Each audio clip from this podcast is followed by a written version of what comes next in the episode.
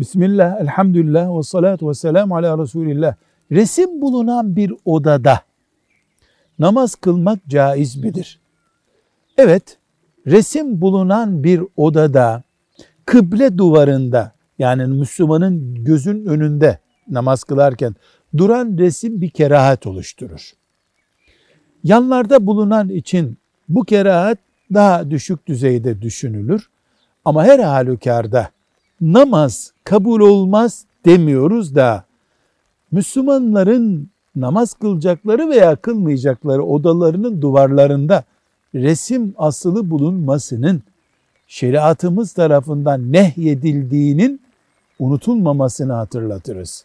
Velhamdülillahi Rabbil Alemin.